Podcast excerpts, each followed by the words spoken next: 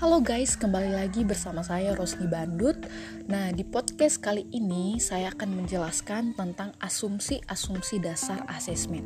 Nah, sebelum masuk ke asumsi-asumsi dasar asesmen, kita harus tahu dari kita harus tahu pengertian dari asumsi-asumsi dasar asesmen itu sendiri. Nah, seperti yang teman-teman tahu kan, kalau asumsi itu lebih kepada pendapat, kemudian uh, pikiran seseorang terhadap sesuatu. Sedangkan kalau asesmen itu lebih kepada penilaian, kemudian evaluasi terhadap peserta didik. Nah, asesmen ini adalah alat untuk mengukur tingkat perkembangan anak. Nah, di akhir semester nanti uh, guru akan menilai dari aspek-aspek perkembangan yang telah dilakukan oleh guru selama satu semester sebelumnya. Nah, sebelum masuk asumsi dasar asesmen itu, saya akan menjelaskan beberapa asumsi-asumsi mengenai uh, peserta didik dan juga ada baiknya kita memahami asumsi-asumsi dasar yang akan melandasinya. Nah, di sini ada empat, yaitu asumsi yang berkaitan dengan pendidikan anak usia dini, lalu belajar, pengetahuan, dan pembelajaran. Jadi teman-teman, ada empat asumsi yang akan saya jelaskan dalam podcast ini. Stay tune ya teman-teman. Oke, kita langsung ke topik pertama, yaitu adalah asumsi mengenai pendidikan anak usia dini. Nah, pendidik di sini yang juga penilai dalam merencanakan atau melaksanakan sesuatu harus mengevaluasi tugas-tugas anak didiknya, berpegang kepada beberapa asumsi yang pertama adalah anak harus memiliki kebutuhan bawaan lahir untuk selalu ingin tahu.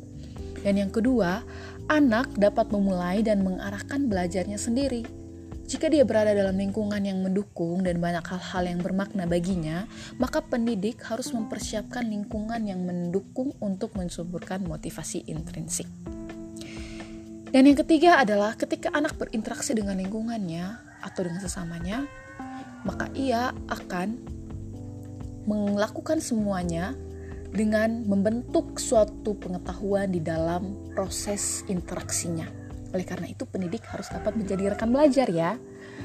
Nah, yang berikut adalah perkembangan fisik jasmani, emosi perasaan, sikap sosial, dan intelektual alam serta pikiran anak berlangsung dengan kecepatan dan irama yang berbeda-beda.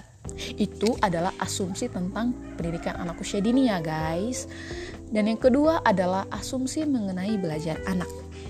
Nah, bagi anak sendiri, proses belajar itu berlangsung dari hal-hal yang konkret ke hal-hal yang abstrak anak-anak usia dini itu tidak belajar seperti kita ya teman-teman yang terpaku kepada buku, menghafal, membaca, itu tidak seperti itu.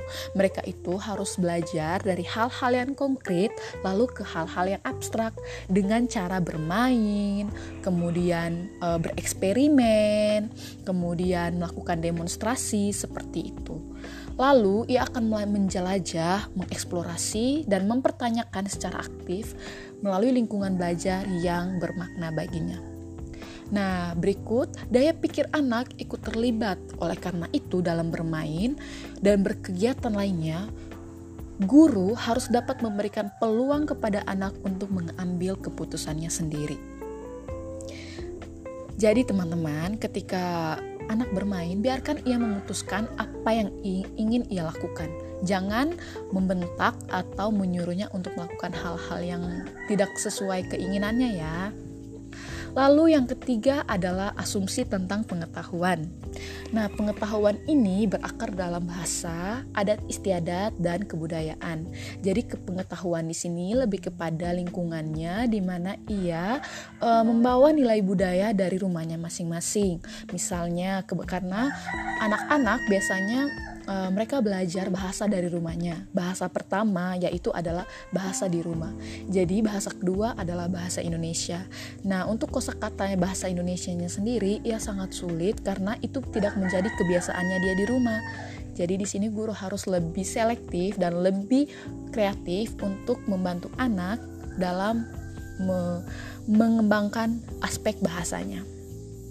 Banyak cara mengelompokkan jenis pengetahuan, salah satunya ialah alam kebendaan, logika matematika, dan sosio konvensional. Nah, pemecahan masalah mengguli hafalan kata-kata.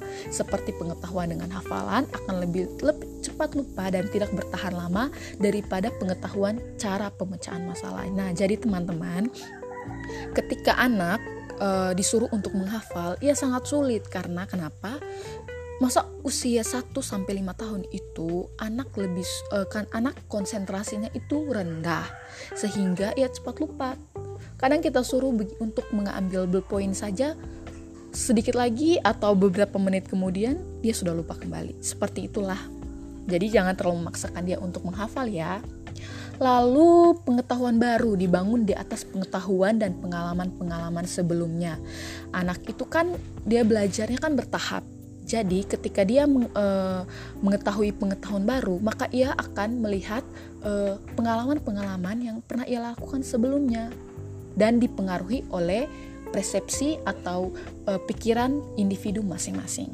Jadi seperti itu ya guys, asumsi tentang pengetahuan. Lalu asumsi tentang pembelajaran.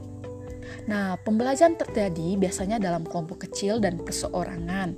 Nah, pembelajaran yang tamat kanak lebih banyak dilakukan dalam kelompok. Nah, ketika teman-teman melihat ada anak-anak yang berusia um, 3 sampai 4 tahun dikelompokkan dalam kelompok A, kelompok B, kelompok C seperti itu.